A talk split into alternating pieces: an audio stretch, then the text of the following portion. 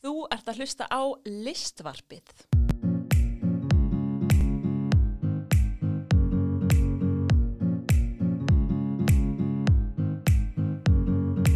Gestur nummer sjö er Pálína Jónsdóttir frá Grund en hún er leikona, leikstýra og stopnandi leikhópsins Reykjavík Ensemble. Pálína er algjör kjarnakona og hún sagði mér meðal annars frá því hvernig það er að læra í New York, hvernig það er að stopna leikhóp og hvernig er hægt að breyta lista landslæginu á Íslandi. Let's go!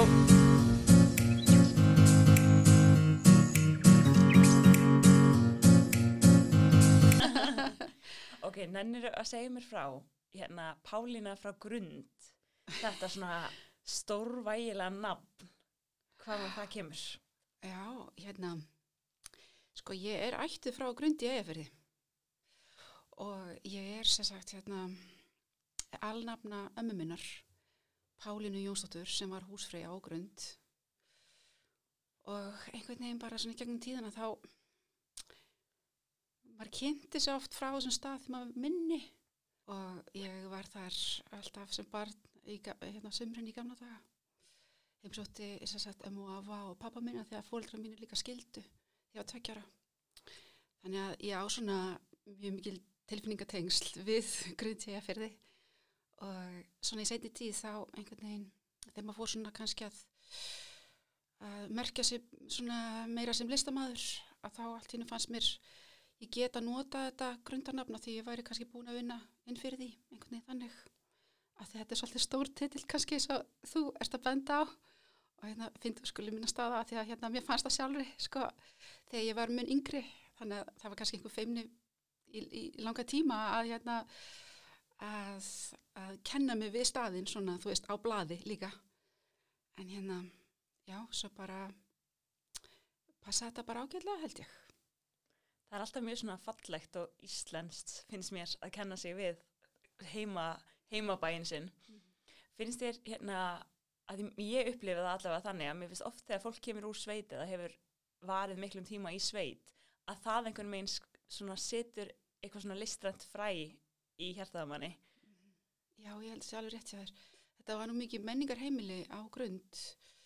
Afi minn var sérlega vel að sér í um, íslenskum bókmæntum, eða fortsögunum, íslendingasögunum. Hann var mjög, mjög sérstakar lókrekju sem var inn í risastóri borðstofu. Það var svona, sér rými og það var pallur.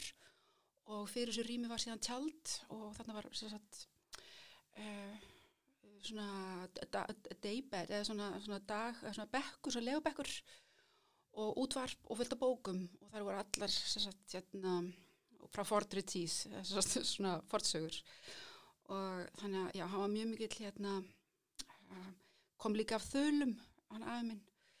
Og, og um, var sérlega fróður um, um Íslendingasögurnar, það var sérstaklega njálu og styrlungu og þetta voru stöðlingarnir líka ágrundi í eigaferði þannig að hann var mjög vel inni í hérna sögunni þar.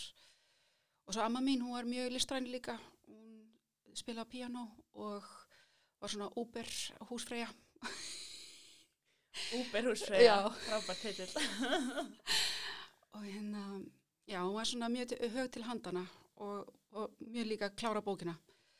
Þannig að, já, og hún líka tók þátt í leiklist hérna, uh, í sveitinni. Og leik stundum hérna með leikfélaginu í, í Eyjafjörðarsveit og um, já, og hérna talandum sko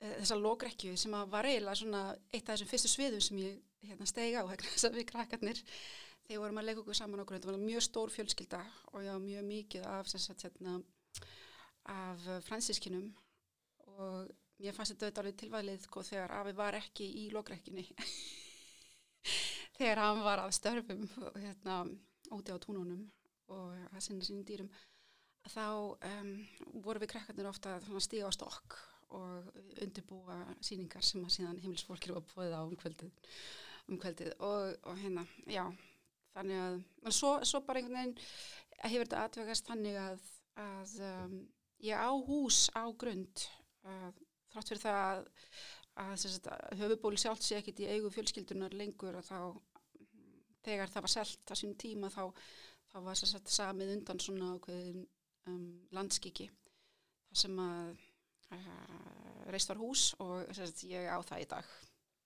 En þú átt part af, af þessum stað? Já. Ó, en dásamlegt. já, þannig að já, já, það svona kannski líka um, stiður svona við það, ég geti svona borið þetta svona nafn, Pálina frá grunn. Manstu eftir einhverjum, einhverjum af þessum leikritum sem þið setti upp þannig á betanum?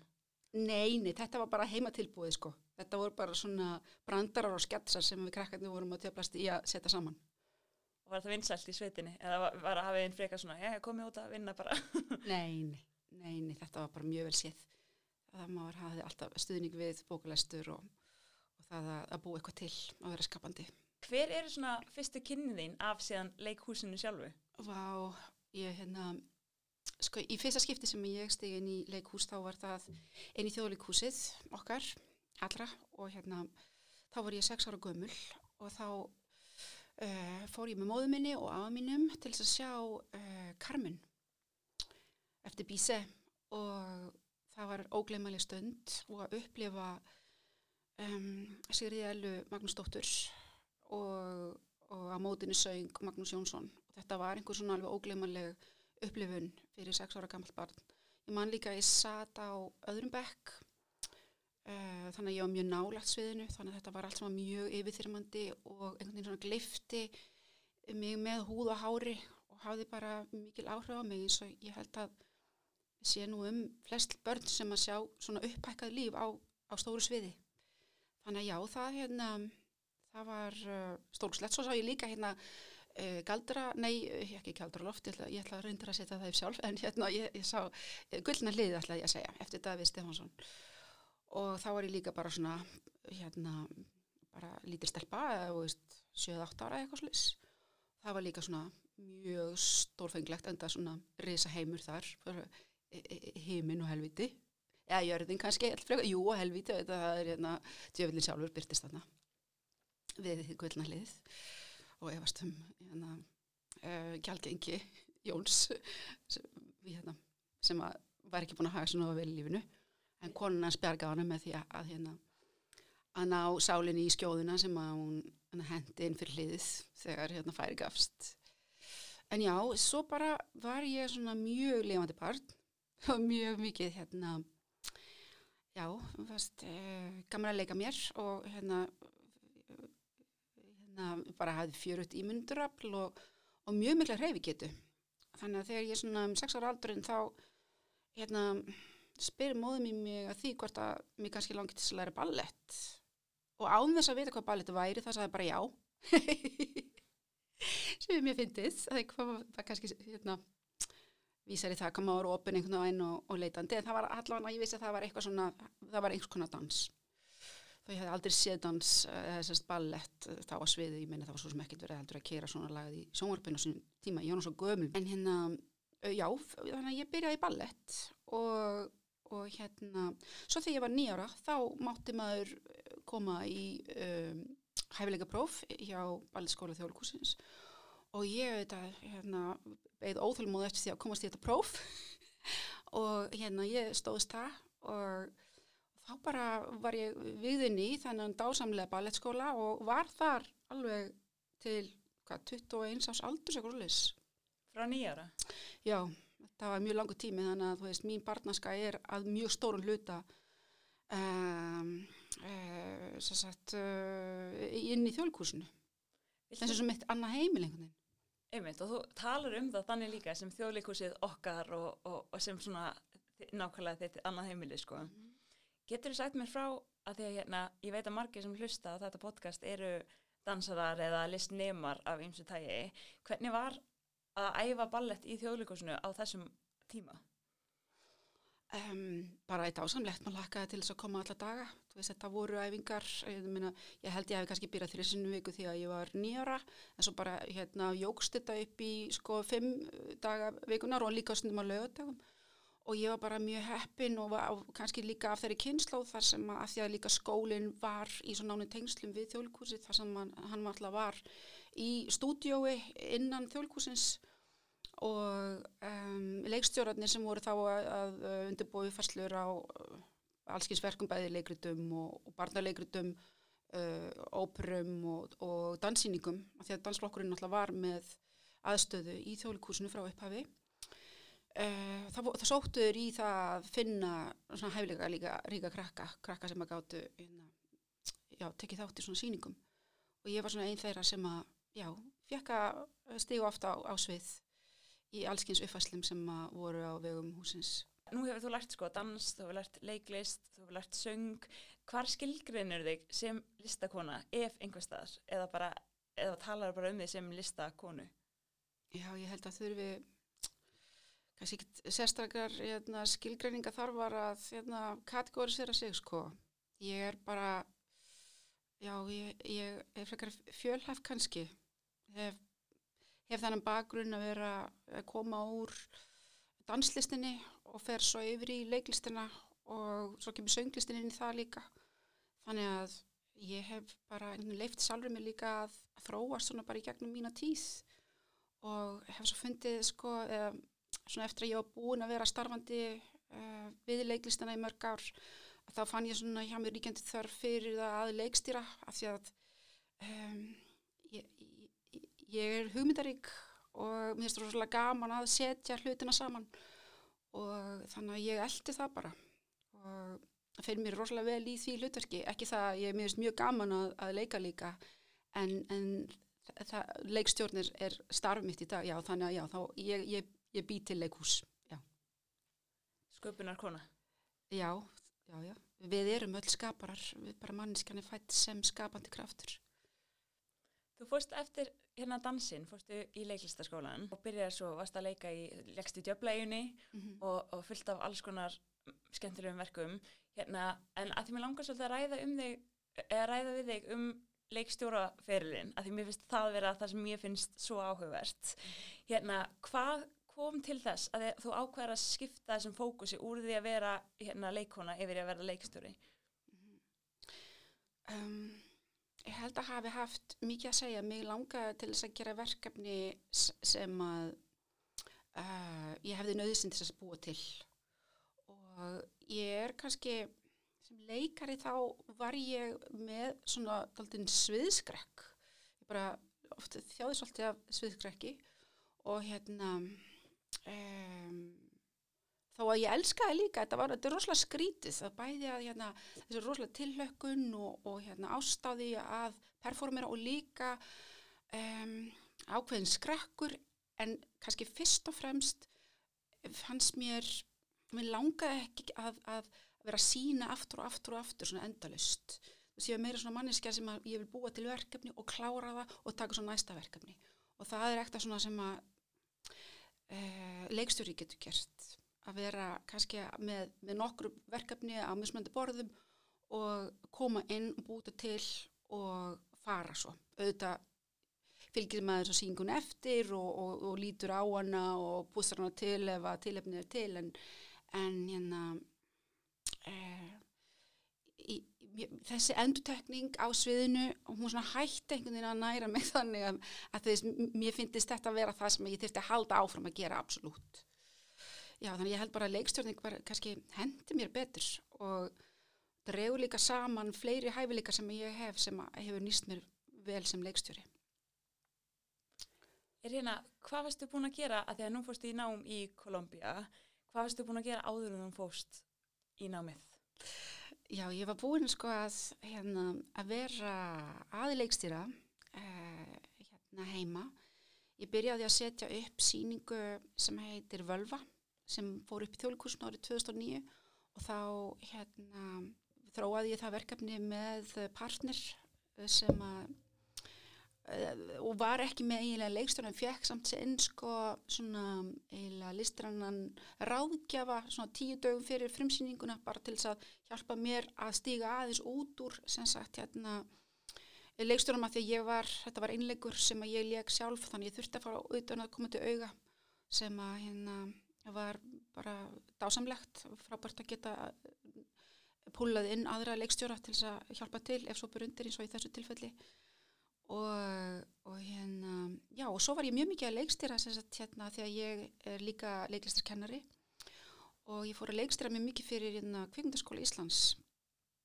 Eh, hérna, frumraun mín þar hérna gekk mjög vel þannig að ég var fengið svona aftur og aftur til þess að taka það verkefni að mér og, og þá var maður yðurlega að vinna með mjög svona brotin verk eða má segja, það voru svona verk sem voru búið til kannski einhvern na, spuna smiðjum og, voru svona hérna, kannski ekki alveg tilbúin til uppfæslu þannig að þetta var svona mjög svona rátt efni sem að ég fekk í hendurnar og, og hérna tók síðan að móða úr því eitthvað svona sem að uh, í samstarfi við hérna leikópana eða sérst bekkina sem ég að leikstýra og það kom yfirlega eitthvað mjög hérna uh, áhugavert út úr þessu.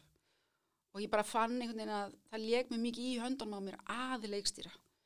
Og ég held að það hérna, þetta hjálpa mér rosalega mikið að vera leikari sjálf að ment og hafa alltaf þessa reynslu sérst hérna úr leikusinu en svo er þetta þetta hérna, ná sambandi við efnið og að um, að tengja leikaran sko við efnið og ná því, ná best, ná því besta fram úr leikaranum og svo bara hafa eh, hérna, alvöru hugmyndaflug til þess að, hérna, að dæla inn í hugmyndavinnuna af því að það er það sem er einkennir kannski leikstjóra sem að hérna, ná einhverju flugi.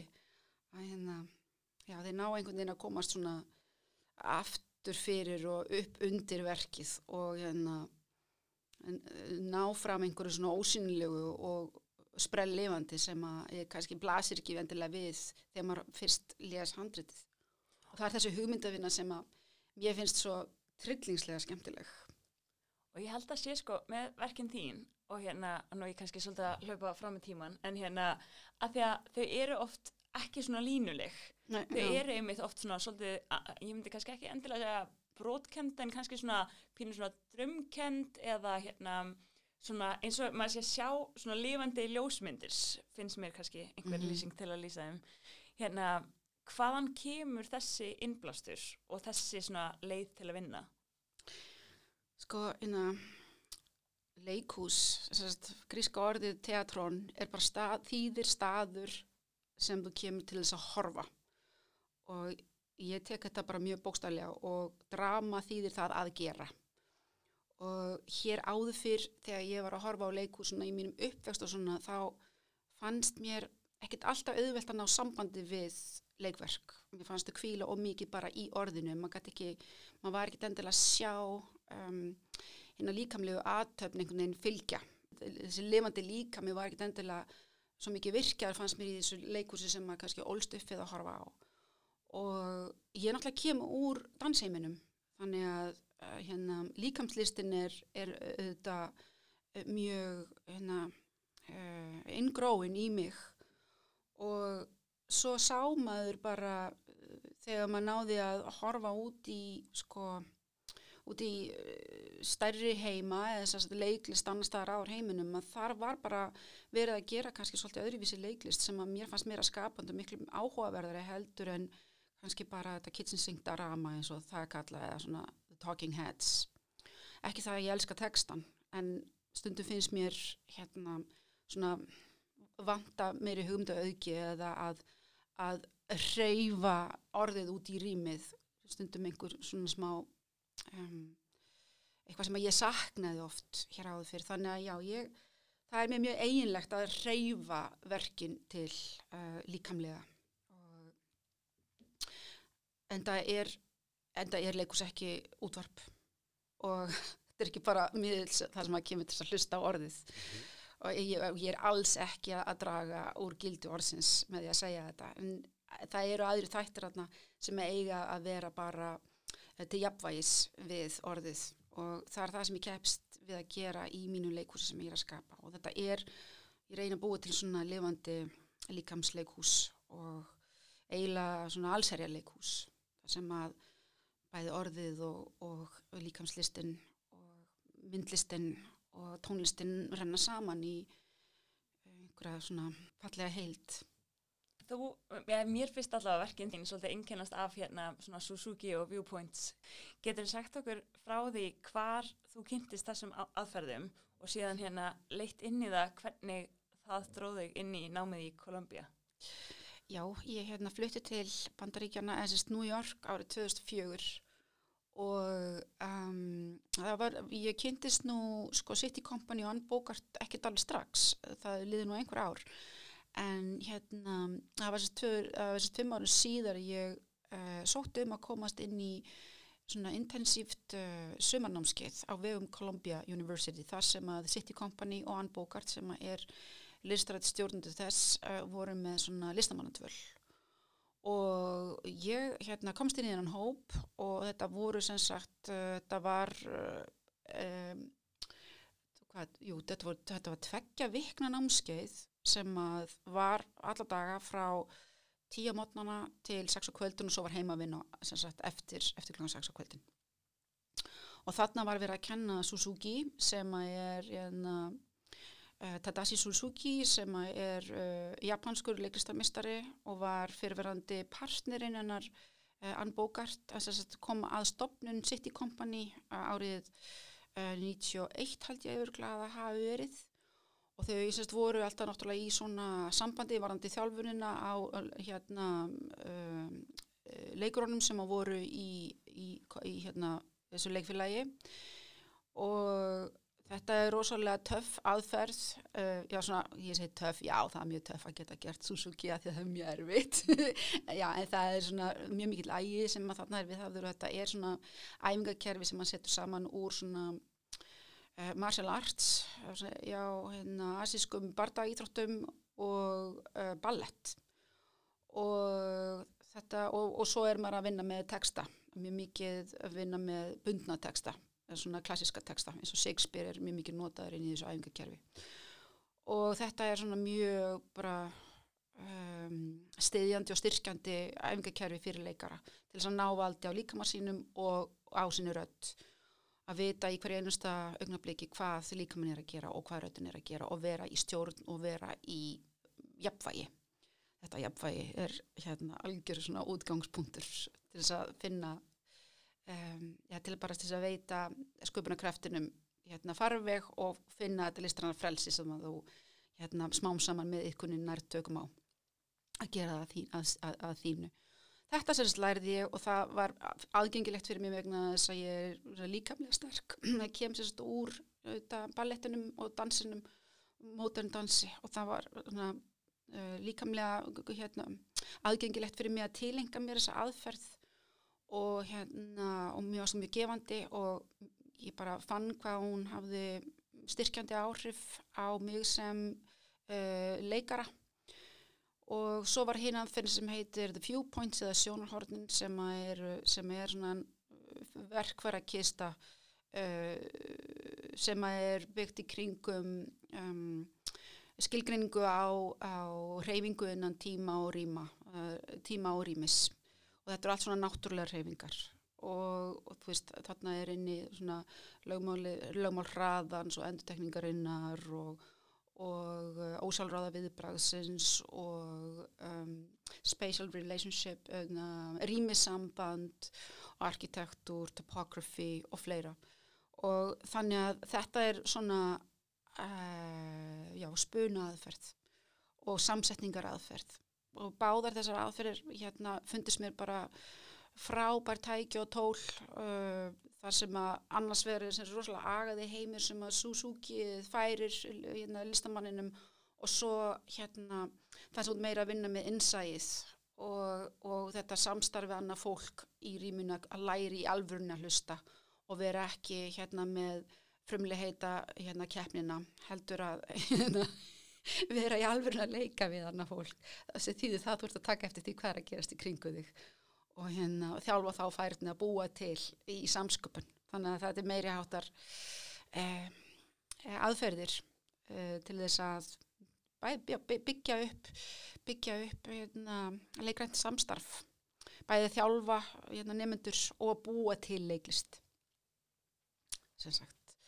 Og uh, þetta var 2000, uh, 2009 og hérna ég fór síðan að framhaldsnámskeið og var áfram alveg í sambandi við City Company og, og hérna var mér mikið að kenna þessar aðfyrir hérna heima á Íslandi og bara með mjög góðum árangri og, og hérna svo var það bara einhvern veginn uh, þessi gamli draumum minn að, að eftir að ég var byrjuð að, að vinna sem leikstjóri að mér langaði til að vera mentaðu leikstjóri. Mér langaði til að, að ná eins, eins miklum tökum á, á þessari listgrein og, og þjálfa mína leikstjóra vöðva eins mikið eins og hægt væri. Og um, þannig að þegar ákveðna kringstæðin í mínu lífi leiði mér að taka svona nýtt skref að þá sótt ég um þetta leikstjórnanám hjá Columbia University sem er leitt af Ann Bogart og Brian Kulik og ég komst inn og rest is history. Rest is history.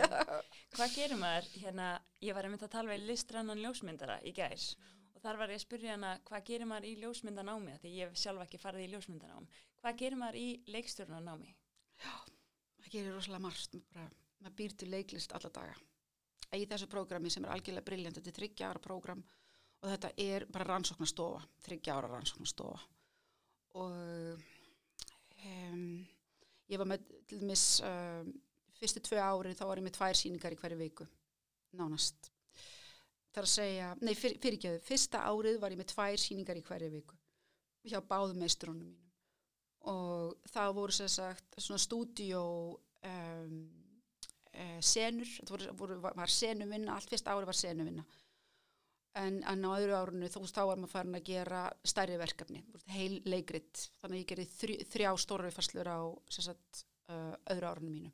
Og svo á þriði árunni mínu þá uh, gerði ég útskriftasýninguna mína var í læri hjá Robert Lepage og Kaya Sariaho við Metropolitan Opera í New York og var líka aðstóðar leikstjóri við óperu í hérna á Prototype Festival í New York. En sem sagt fyrsta árið var algjörlega bara crazy. Tvær síningar viku ég sem að mér byttu það að vera að byggja um eitthvað sem er ekki hægt að framkoma hérna sko. Þannig, þannig leið manni hérna fyrstu vikuna sko. Og svo bara einhvern veginn hérna uh, byrjum að bara hlaupa og þú veist þetta var algjört marathón, þetta var meira álag heldur en að hægt að ímynda sér að, segja, að hægt sé að setja á nemyndur í svona námi. Og þú má alveg spyrja sér hver, hversu hérna, heilbritt þetta er en þetta var, mér fannst þetta óbúslega gaman og ég, þetta gekk hérna, það var mikið fyrir svo haft þetta gekk rosalega vel. Um, maður þurfti að gera allt, maður fikk enga aðstóð, ég þurfti að gera allt sem leikstjóri, ég þurfti að finna leikarna, ég þurfti að bóka Uh, æfingastúdíó og það var bara hægt að bóka sérst á ákveðnum degi, það opnaði veist klukkan, klukkan 12 á, á var ekki 5, já 50 dögum, þá, þá opnaði sérst fyrir hérna, stúdíó um, bókanir hérna næstkomandi viku og það bara sett, sett maður strax niður bara til að að ná upp á stúdíó eða þú veist það stúdíó sem manni fast henda best fyrir það sem maður var að fara undirbúið fyrir næstu viku, svo þurfti maður að vera með casting og það var bara við vorum endar mjög sniðu sko, það var æðislegu bekku sem ég var í uh, mjög samheldin og, og hérna, mjög fallet samstarf á milli okkar allar af hún sex sem sagt og á því að halda bara hérna, hérna áherindapröfur þannig að við tókum móti svona 110 manns svona yfir heilan dag bara og byggum þannig til sko svona svona database, hvað segir maður, svona gagnagrunn fyrir leikara sem að vildi hafa áhuga á að, að, að taka þátt í verkefni með okkur. Og það er mjög auðvelt fyrir nefnendur í þessum skóla að laða til sín leikara vegna þess að skólinn sem mikil smetin og þessi deild er að útskrifa rosalega flinka leikstjóra og svo auðvitað eru þarna meistarar sem að leikarar hafa líka mjög mikið áhuga á að láta horfa á sig. Þetta verður allt saman þannig að já, þetta var bara þetta besta sem ég hef gert fyrir mig á lífsleðinni þetta var, þetta var risagef til mín. Ég var búin að sko stiðja dóttir mína sem heitir Ugla Högstóttir og er kveikmynda leikstjóri. Ég var búin að stiðja hana til náms í þessum skóla. Og þegar ég sá svona fyrir hérna fyrir endan á því uh, þegar ég fjáröflinu þá ég sem er mig, já, ok kannski ég láti reyna á það hvort að ég kemst í draumanámi mitt Þannig að það var þannig að uh, við vonum samstíga innan skólans uh, í tvö ár. Hvernig er því þið hefur líka unnið mikið saman? Er ekki svolítið skemmtilegt að, að eiga dóttur sem að deilir svona sterku áhuga og, og starfsviði með sér? Jú, það er bara luxus, það er æðislegt, getur maður endalast talað um, um hérna okkar ástriðu og ég sæki til hennar og hún sæki til mín, þannig að já, það er mjög lifandi samtala okkar á milli. Og það er mjög gaman að geta skilið mjög vel hvað barni manns, eða, já, barnið, afkomandi manns hérna, er að fást við. Og það er rosalega gaman að eiga þennan skapandi díalóg við, við hana um, um leiklist. Bara ómyndalegt og ótrúlega gaman að vinna með henni. Hvernig hérna er einhver munur á því upplifið þú einhver mun á því að vera að vinna svona í York eða vera að vinna á Íslandi? Eh, leikar eru bara æðisleir, alveg sama hver þú ert. Getur alltaf fundið æðislega leikara. Um, ég náttúrulega var í skólanum fyrst og fremst að vinna sem leikstjóri en svo var ég utan og, og uh, ég gerði, sko fyrst árið eftir að ég kláraði útskriftina mína þá var ég að starfa innan bandaríkina á mismunandi stöðum sem var mjög svona inspirandi og og upplýsandi fyrir mig að fara svona út fyrir borgina að vinna í leikúsum utan hennar. En ég vann fyrir uh, leikús í borginni sem heitir um, Scandinavian American Theatre Company og var með nokkur verkefni uh, fyrir þau sem var mjög gefandi.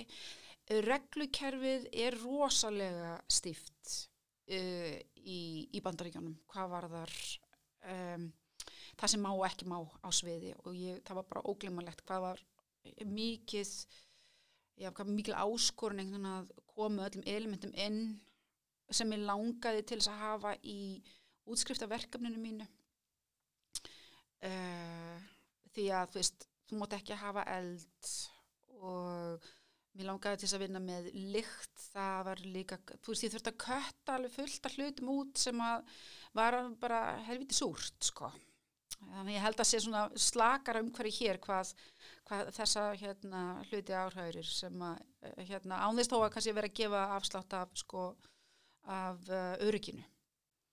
En, en hérna já það er þetta bara til þess að uh, kannski að uh, blómstra sem leikstjóri í, í New York þartu að harka rosalega lengi. Eða þeir sem kannski eru að komast meira áfram þeir eru að koma frá veist fjölskyldu það sem að þessi aðilar eru bæðið með menturina og hæfileikana en hafa líka ákveðin svona fjárháslegan bakkjarl af því þetta er rosalega hark og, og hérna uh, fólk meira og minna stiðið þessi kannski með einhverjum öðrum störfum sem ég bara gæti ekki hugsa mér. Ég er bara hérna, er, er að tilenga mér uh, tilenga mig þessari listgrein 100% og það, það er ekkert hægt öðruvísi en að hérna að það starfa við það uh, og, og, og á þess að vera blandu öðru inn í það. Þannig að ég, ég, ég fannst líka einhvern veginn ég vera komin á hverjum tímamóti og búin að fá frábæra viðkenningu fyrir það sem ég gerði úti og reynsluna sem ég var að sækja og, og hérna einhvern veginn að verða 50 og fannst rosalega spennand að koma aftur heim. Um, langaði að mentu mín skila sér aftur heim til Íslands og fannst eins og ég gæti kannski gert hluti hér sem aðri væru ekki gera og að það skipti meira máli heldur en að vera að reyna að meika það í New York eða hvað svo kallar það sko. Mér finnst þetta hérna góðu punktur að reyna að koma með mentununa þínu hingað og reyna líka einmitt kannski að breyta svolítið landslæginu. Mér finnst það sem þú gerir og það sem þú setur á svið, sé ég ég sé það hverki annar staðar á Íslandi og ég náttúrulega var í svoleiðs námi úti að ég sá mikið af svona sveipum verkum, mjög svona það sem að margir myndu kall, kannski kalla physical theaters og hérna og vann með alls konar áhugaverðum kompanjum en þetta sem virðist einhver meginn vera svolítið vinsalt í Evrópu virðist ekki kannski alveg hafa verið mikið hér eða hvað? Nei, ég held að það sé bara rétt hjá þér. Hvernig myndur þú lýsa verki sem að þú hefur gert fyrir einhverju sem hefur ekki séð? Minni vinnu? Mm -hmm. hmm.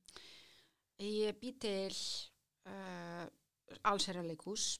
Það sem er sjónrænt, það er uh, mjög hugmyndadrefið, það reynir að tengja uh, listleikarans, líkams og rattlistleikarans við efni uh, verksins á á hugmyndaríkan og svona gjöfulan hátt að því að já, uh, ég er að reyna að búa til kannski svona uh, guðdómlegar komedíur eða já, eitthvað svoleið sko.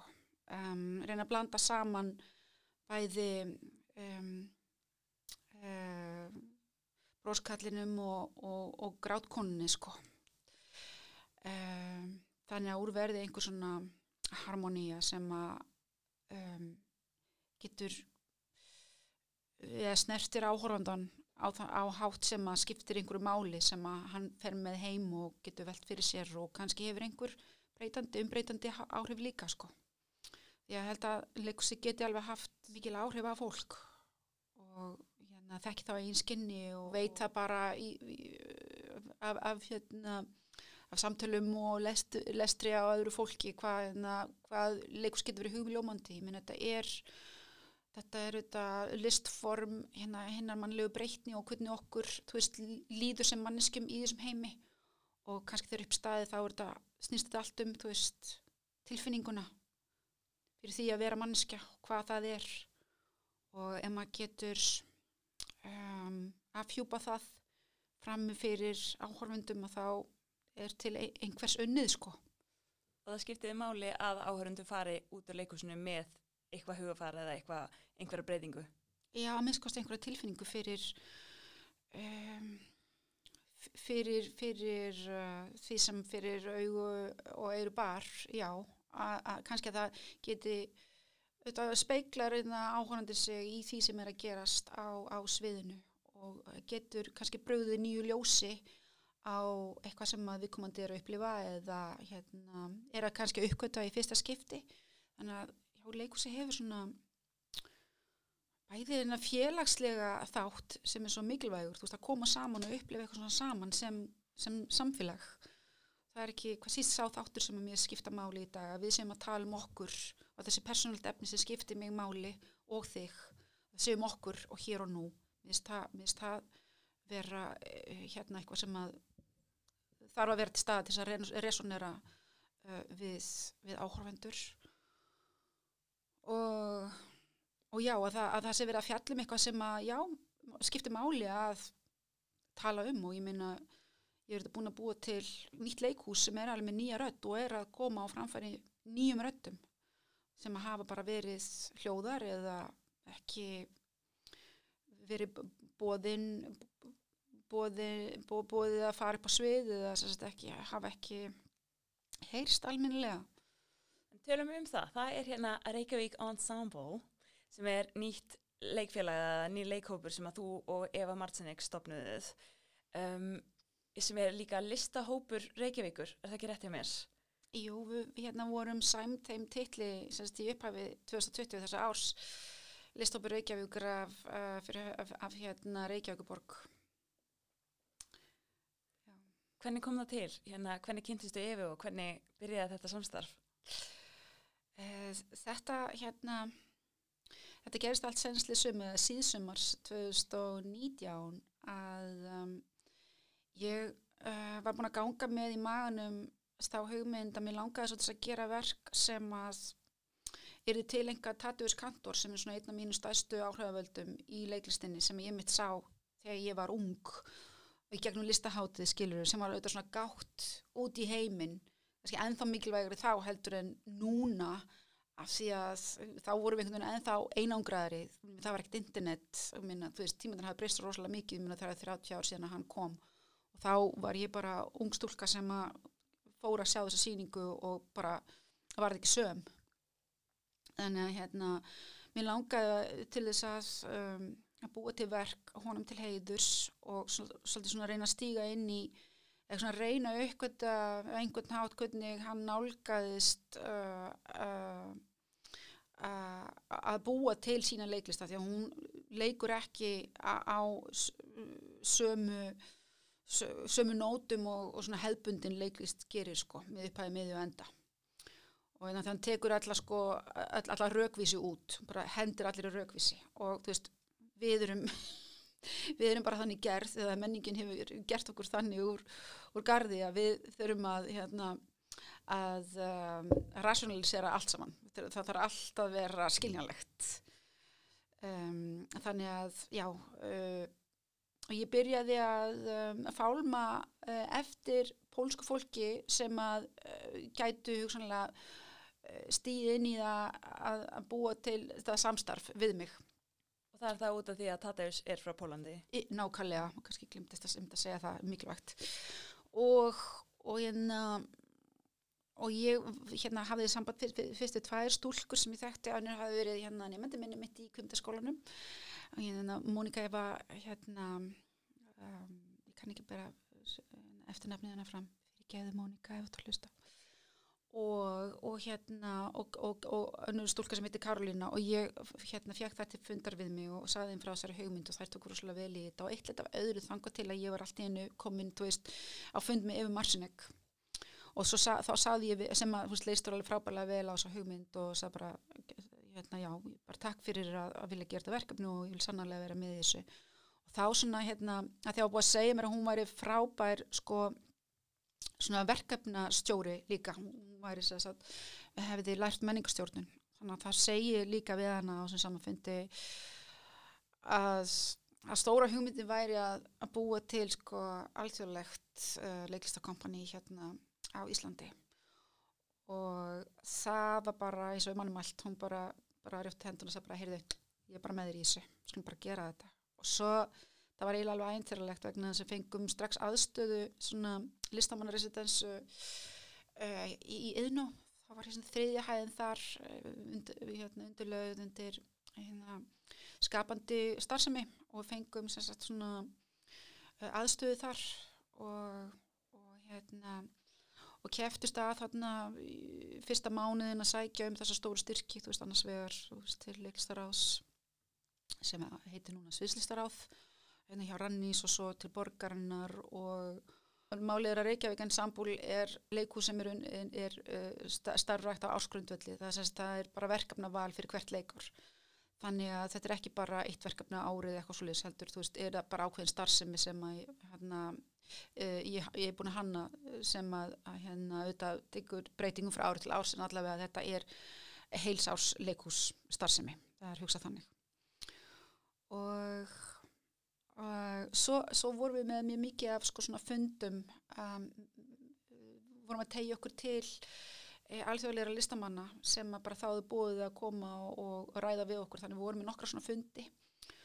Og einhvern veginn upp úr því þá fann ég bara veist, að það var svo rosalega þörf fyrir það að búa eitthvað til að, að þú veist að við erum ekki bara að tala um þetta og nöðsinn þess að, að svara þessu kallið, þú veist að við erum nýtt og breytt samfélag og leikursi þarf bara að endur speikla að það er ný samfélagsgerð hún á sjást á sviðinu. Að í stað fyrir að vera bara að tala um þetta og býða eftir svörum úr þessum sjóðum sem veist, við áttum vona hérna í janúar þá um, segi, saði ég bara við, stæði, mér finnst bara bara verða að bjóða fólki inn í stúdjó og bara búa til verk. Bara, og ef þetta verður eitthvað þá getum við kannski opnað þetta fyrir enna áhörundum og við bara gerðum það og ég sem sagt hérna valdi texta frá mismunandi uh, höfundum sem eru erlendir uh, og búa hér á landi. Og svo var, voru líka íslensku var líka hérna, texti úr Galdralofti því það er svona verk sem ég er að gera nýja aðlögun að þannig að var, ég var að velja textast eftir höfundar sem við höfum áhuga á að vinna með og höfum verið að vinna með og sem að skiluðu séri mitt hérna inn á þessu ári eins og til með sína verk eftir Efi Marsinek Pólsinga Ísland sem að var síning sem að við frumsyndum í mass og tóku svo aftur upp núna í haust sko þegar hún hérna losnaði úr hérna álögum eða COVID álögunum Já, þannig þú veist að við erum búinar að skila á okkur út heilu leikari og það eru þrjú verkefni sem að urðu þarna til. Það er sem sagt hérna opnurháttíð og opening ceremony. Svo komum Polsing Æsland og svo gerðum við hérna verk sem var svona verk í vinslu sem þetta kantorverk. Ég kem alltaf aftur sem er sérst svar mitt við ég kem aldrei aftur sem var sérst um, hérna titillin á verki kantors sem að ég sá hérna á listahótti fyrir þessum 30 árum og, og hérna og já, here we are og bara nýtt leikar framöndan og búið að hanna það Já, búið að hanna það? Já. Í þessari óvissu sem að ríkir? Já, já, það er bara við verum að halda áfram þetta, það, þetta leysist allt saman það hérna, útliti hefur nú hérna batna nú með hverjum degi eftir að hérna, bólefnið er, er, er að komast á markaðin og sendingin búa, búa panta Mér finnst hérna, þetta sem mér finnst svo áhugavert við þig er einmitt þetta að þú kemur alltaf hlutórum í verk og mm. mér finnst þetta svona endurspeglast í þessu Reykjavík Ensemble ævintýri er bara þessi svona kraftur til þess að framkvæma og ég man hérna opening ceremony, það var gert það hvað, þrejum vikum, eitthvað svo leiðis? Uh, já, sko, nei það voru, voru heldur fjórar vikur en þetta var rosalega dreift sko þetta var bara eða nokkri klukkutímar hérna og, og, og það var tólmann og hópu sem tók þátt í þessu og allir auðvitað með allskynns um, obligations eða svona vinnandi hér og þar og það var bara sko þetta var eins og að smala köttum þú veist að reyna að reyna að búa þetta til. En og hérna og, og allskynns fólk og þetta og frá, frá tíu þjóðlöndum. Og, hérna, og efni sem ég hafi valið sem að var, þetta var mósækverk, þetta var svona draumkjönd uh, draum, draumkjönd uh, mósækverk um, en, en algjörlega um, um já, bara stöðu innflytjenda á svona kannski svolítið surrealískan hátt líka Hvað er það hérna, því að núna býðuru hérna og það sem ég finnst frábært við Reykjavík Ansambóli er að þið, það er svona mjög mikill samstarfsvilji. Þið bjóðið fólki að senda inn ef það er með hugmyndir eða handrit bjóðið, veist, bjóðið samstarf velkomið. Og það eru pröfur fyrir verkinn og, og það er einhver meginn öllum bóðið sama hvort það séu frá einhverju öðrum löndum hvort séu innflendendur, heimsagendur, íslendingar hérna, hvaðan kemur bara þessi samstarfsvilji og þessi vilji til að hafa þetta svona fjölbreytt? Ég ætla að segja bara lýsast um það hver ég er og hver Eva er að ég held sko að minna leikhús er bara eins og þorp. Minna, það, það, þetta er er mikið mála búið til leikhús og það þarf bara að vera valimaður í, í hverju rúmi. Og hérna, það eru þetta rosalega mörg og fjölbreytt störf í leikhúsinu og það er ekkert skemmtilegra og meira gefandi heldur en að, að, að hérna, uppkvita ný talent og gefa frábæru fólki tæk, tækifæri til þess að hérna að skapa leikhús uh, með okkur. Og ég held sko að ég hef þetta mjög frekar orku mikil manneska og hef mjög hérna, já, og það auðvitað er rosalega ástriða bakvið þetta annars þetta ekki tægt að því að auðvitað, það er ekki bakhjart sko á bakvið þetta leikfélag. Þannig að, að hérna, þetta er bara gert að algjöri hérna já, ástríðu og, og, og þörf bara, það er bara grundvallar þörf að, að skapa og eitthvað síst að búa til nýtt leiklistarafl sem að er, er, er í hérna augnhæð við uh, veruleikan eins og hann er hér á landi en ég held sko að geti líka verið að, að ég sé að reyna að búa til leikursið sem að mér langaði til að starfa í því að ég var yngri og ég bara kannski nýbúin að fatta það að ég sótti alltaf mjög mikið út úr landinu sko uh, á mínum yngri árum sko og hef búið lengst af 21. öldinni uh, Erlendis, það aðalega í New York en þar á undan var ég búin að búa í Fraklandi og líka í, í uh, London. Þessast í Lyon og í Fraklandi og, og London og Englandi. Og þú veist ég var alltaf að leita að svona alþjóðlegum leiklistar tengingum sko. Að því að ég vildi tengjast heiminum. Og mér varst bara að vera dóttir heimsins ekki bara dóttir Íslands eða svo les og hérna við erum ótrúlega forvitin og bara fólk stókslegt hérna að kynast fólki frá öðrum menningar svæðum stókslegt og heyra hann í tungumál og þetta er eitthvað svona sem að ég bara tengi alveg frá því að ég er lítil sko Ég fekk að ferðast aðeins því að ég var lítil stelpa og ég maður hvað það var ofbáðslega spennandi og það bara held ég að við lifa með, með, mikið með mér að vera svona opinn og leitandi og vilja einhvern veginn náðu sambandi við heiminn að vera ekki bara svona lokal stelpa sko, sem er bara í bakgarðinum heima. Þetta er líka, mér finnst þetta skemmtilegt að því líka í kompaníinu þá eru við með sko fólk frá Indonésiu, mm -hmm. frá Mexiko, frá Íslandi, Þísklandi hérna bara svo ótrúlega mörgum stöðum, Hva, hvað fleira? Það er frá Kolumbíu og það er frá Spáni og Svíþjóð og Kanada, Serbíu, Östuríki, Þískalandi, uh, var ég búin að segja Mexiko? Já, þannig að þú veist að hafa, þeir, nú er ég bara að tala um þá sem að hafa verið á sviðinu hjá mig sko. Mér finnst það með þetta að sjá og kynnast mismunandi fólki, það opnar heiminn manns og það gerir hérna, að því að það er alltaf verið að tala um svona hérna dividing og svo svona saminningu. Mér finnst það samina mann og gefa manni meiri hérna bara samkend, gefa manni meiri skilning og kannski talandi um skilning þá er hérna verkin sem að, að Reykjavík Ensemble hefur sett saman oft er maður að heyra svo mörg mismundi tungumál á sviðinu og stundum er ekkert talað yfir höfuð hérna í einhverjum senunum og það skiptir einhvern veginn engu máli. Ég hef séð senur í verkum með félaginu sem að hérna, með félaginu, hvað sem er í íslensku, kompaníinu? Já, bara félaginu, já, þetta er, leik, leikfélag, já. Hérna, það sem að eru senur bara algjörlega á pólsku og ég get svoleiðis hleyið eða grátið eins og ég skilji allt og ég skilji ekki, ég skil ekki orð. Þannig að, að þetta, mér finnst það eitthvað svo ótrúlega hillandi að við erum bara manneskjur einhvern veginn og, og, og, og eigum öll einhvern veginn eigum öll einhvern veginn leið inn í hjarta hvers annars ef við hlustum bara hvernig sem það er. Að sko framsetningin er auðvitað það sem að skiptir svo miklu máli sko þegar maður er að díla við tungumál sem að maður hvorki talar nýja skilur. Um, það er að hérna hvernig er uh, hvernig er atriðis eða leiklistins viðsett og þá er það þessi sjónræni þáttur sem að kemur svo rosalega sterkur inn og því að hann líkamn er svo óbúslega tjáningaríkur á sviðinu að maður, þó að maður skil ekki öll orðið þá getur maður samt skilið hvað, hvað, hvað manneskjan er að gangi í gegnum. Og þetta er líka það að maður finnst í verkunum þínum, finnst mér allavega, maður blikkar augum og það er alltaf einhvern veginn nýtt í gangi.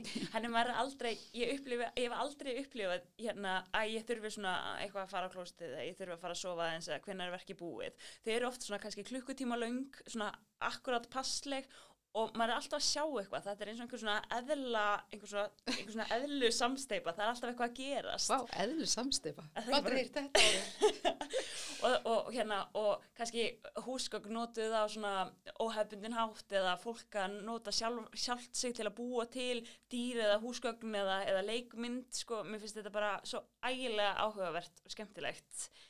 Ertu með einhverjar fyrirmyndir sem að þú ert að byggja þetta á eða er þetta alltaf að koma bara úr kollinum að þér? Já, ég minna hugurinn er náttúrulega ólíkjendatól og það er, það er kannski ágætt hérna að vera með svona um, uh, já bara fjörugt ímyndurafl og hérna sem leikstjóri sko. En auðvitað á ég mínu áhrifavalda og kantor er náttúrulega hérna fyrstistóri áhrifavaldurum minn. Að það, hann bara bjóti leiku sem ég hafði aldrei séð á æminni og ég get ekki sagt ég hafi skilið hvað hann var að fara en ég fann að þetta var eitthvað þetta var einhver helfur og þetta var eitthvað hriglegt tráma og þetta var einhver algjör fárónleiki og þetta var ab mjög abstrakt og eins og málverk á reyfingu það var eitthvað alveg einstakt en þetta fór inn í hjartað á mér og það, það sem fer inn í hjartað á manni það tekur sér svona bólstað sko. og þannig að já það var kantors og svo upplifði ég sko, ég var rosalega hrifin af hérna, Arjan Muskin sem að með sólarleikusið í, í París. Hún var með svona alþjóðlega hérna leikara og hann að ég hafði rosalega meira saman með dreymdinsnum að þú veist, kannski get ég hérna bara tekið intökupróf hjá Arjan Muskin og verið með sólarleikusinu það fannst mér rosalega spennandi. Svo fór ég til þeirra hérna í Sakutri hérna sem er í uh, út, útjæðri Parsaborgar í uh, Boite Vincennes heitir hann er skóurinn og sá, sá, sá leiklistina þeirra og ég, það er óglimalegt sko að koma þarna inn til þeirra. Veist, það var svona uh, hérna and, risa, risa andir eða bara risa, risa rými og leikararnir voru sko, veist, að bútt súpur og afgræða súpur og, og mat og, veist, leikararnir voru að gera allt svo lappaði maður svona undir svið, eða sem sagt, hérna, yfir áhörvenda uh, hérna, stæðin. Og, og þa þar voru sem sagt um, búningarými leikarana. Og, og það voru svona, það voru svona grindur hérna svona skilrum, svona grindur, svona eins og grindli, svona eins og svona fangilsis, þess að rimlar að hérna sem að skildu hérna voru svona eins og skilrum á milli þessara litlu bása sem að leikarandi voru í. Og hérna mér fannst það svolítið skrítið sko. Og uh, það var svolítið svona eins og þau væri svona dýri búrum. Eða ég fekk svona einhverja skrítna tilfinningu. Og svo sá ég síninguna og, og þetta var svolítið uh, smá vonbriði fyrir mig. Og mér fannst þetta ekki einn spennandi eins og ég hefði einhvern veginn átt von á og hún var sko, þó hún hafi hreift uh, frásögnina með líkamannum þá var það samt einhvern veginn ekki að því marki sem að dugði mér sem áhörfanda til þess að tengja og, og lifa með síningunni, þú veist, ég var svona það var mjög löng síning og þú veist, ég dættu alveg öruglega svolítið mikið út og þetta er allt flutt af frönsku og þá ég hafi talið, talið pínleitlega frönsku þá var, var, ég alls ekki náttúrulega að vel að mér í tungumálinu. En þetta var hérna síningina á flókinni í frönsku og þetta var ekkit einföld franska. Og, og hérna já þannig að ég sótti sérst aldrei um. Mér fannst þetta bara ekki vera fyrir mig. Nei. Svo er, svo er það hérna já, annar maður sem að heitir sem er bara algjörlega eðslu sko. og það er Simon McBurney og hann kom líka á listahátt hérna hátíð um, það er bara við 93 uh, já, ekki svo lis uh, hann kom með hérna uh, the, che the Cheers held ég örgulega nei, Street, Street of Crocodiles ætlaði ég að segja, Street of Crocodiles alveg, það var svona líka. Þá bara bara sprakk allt upp inn í hausnum á manni sko, þú veist, vá. Það, það var, þú veist og ég, þú veist, ég er mjög skild Simon með það hvernig, þú veist, þess að með, með hérna, það, hann er svona eins og bara, ef það, já, einhvern bróður leiklistinni, þá er það Simon McBurney, já að því að hann, hann er mjög humdaríkur og reyfir leiklistinu sína rosalega vel Þegar þú byrjar á nýju verki, hvað, hvert er ferlið? Hvar byrjar þú? Hva, Mm. hvað gerist?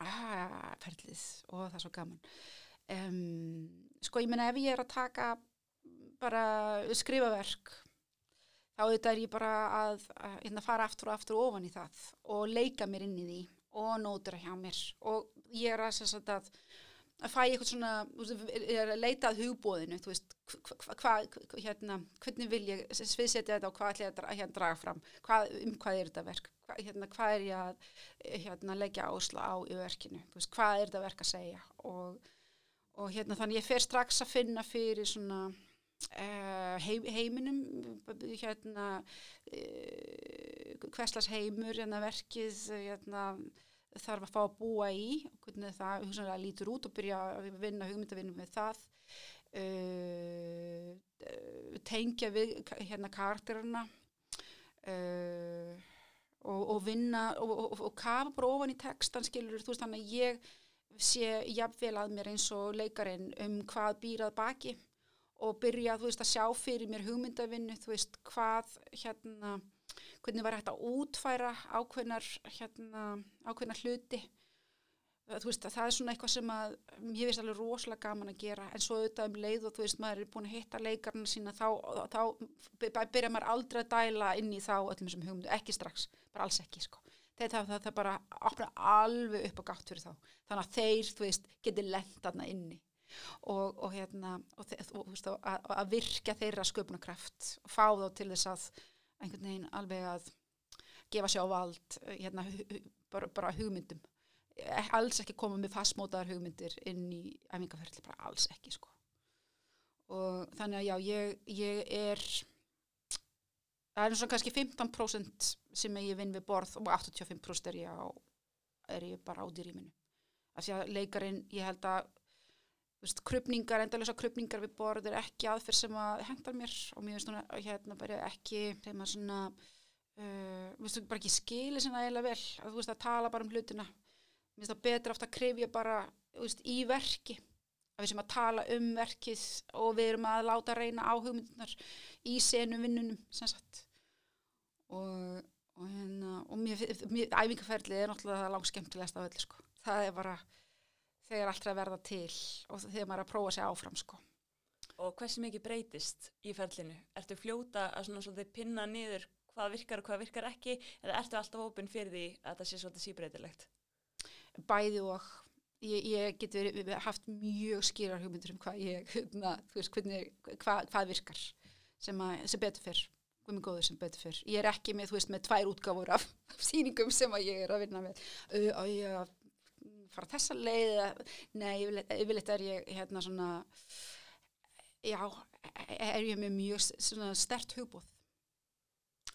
Og þú vinnir svolítið mikið með svona svolítið líkamlega kóreografíu eða þú veist, ég fæði alltaf á tilfinninguna að hérna það er ekkert sem gerist sem er handhófskjönd. Þetta er allt svolítið svona meticulously planað.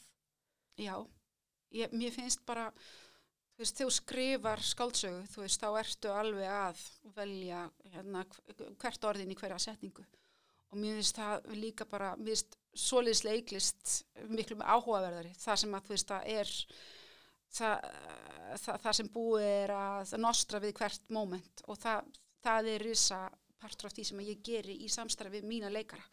Það er bara, þú veist, að nutta öll momentin, sko að vera algjörlega með þeim í öllu þannig þú veist að þetta verði mjög það, verði ákveðin skýrleiki þú veist til og að, að ég nái að keira hluti inn í, inn í fókus. Mér skamar þetta að því þú nefnir skýrleika en stundum er oft hérna að því ég mann fyrsta skipti sem við unnum saman þá hugsa, þá hérna varst að tala um svona reyfingar og gafst mér einhverja reyfingar og ég hugsa að þetta bara meikar engan sens bara manneskur gera ekki svona. En samt einhvern veginn að því þetta varði einhvern veginn eh, maður notar orðið abstrakt eða svolítið svona bara myndrænt, svolítið danslegt jafnvel sko. Það getur gert það samt svo skýrt á bara allt annan hátt heldur en bara að standa og leika innan gæslega bara umvurlegt það er bara þetta þetta sko, þetta hverstarslega og þetta óvænta uh, þetta ég, bara verður að fara saman. Það er bara annars er ekkert gaman að þessu sko. Annars er ekkert gaman að þessu? Nei, það er bara annars er þetta flöt leiklist og þú veist, það bara það er bara alveg bannað að hafa leiðilegt í leikusinu. það er ótrúlega góður punktur. Bannað hafa leiðilegt í leikusinu Já, allt nema leiðindi. Pálína Jónsdóttir frá Grund. Uh, takk kærlega fyrir komuna